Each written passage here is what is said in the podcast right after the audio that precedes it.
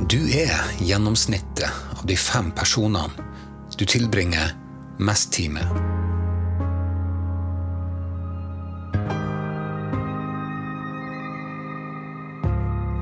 Denne ideen, kjent som the proximity effect, har blitt understreket av Benjamin Hardy og ikke minst forretningsfilosofen Jim Brown.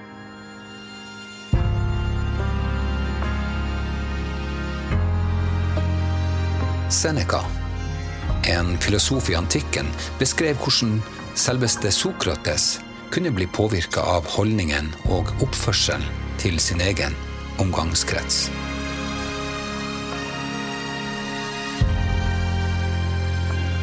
Uansett hvor sterk vår personlige overbevisning kan være, blir vi påvirka av omgivelsene våre.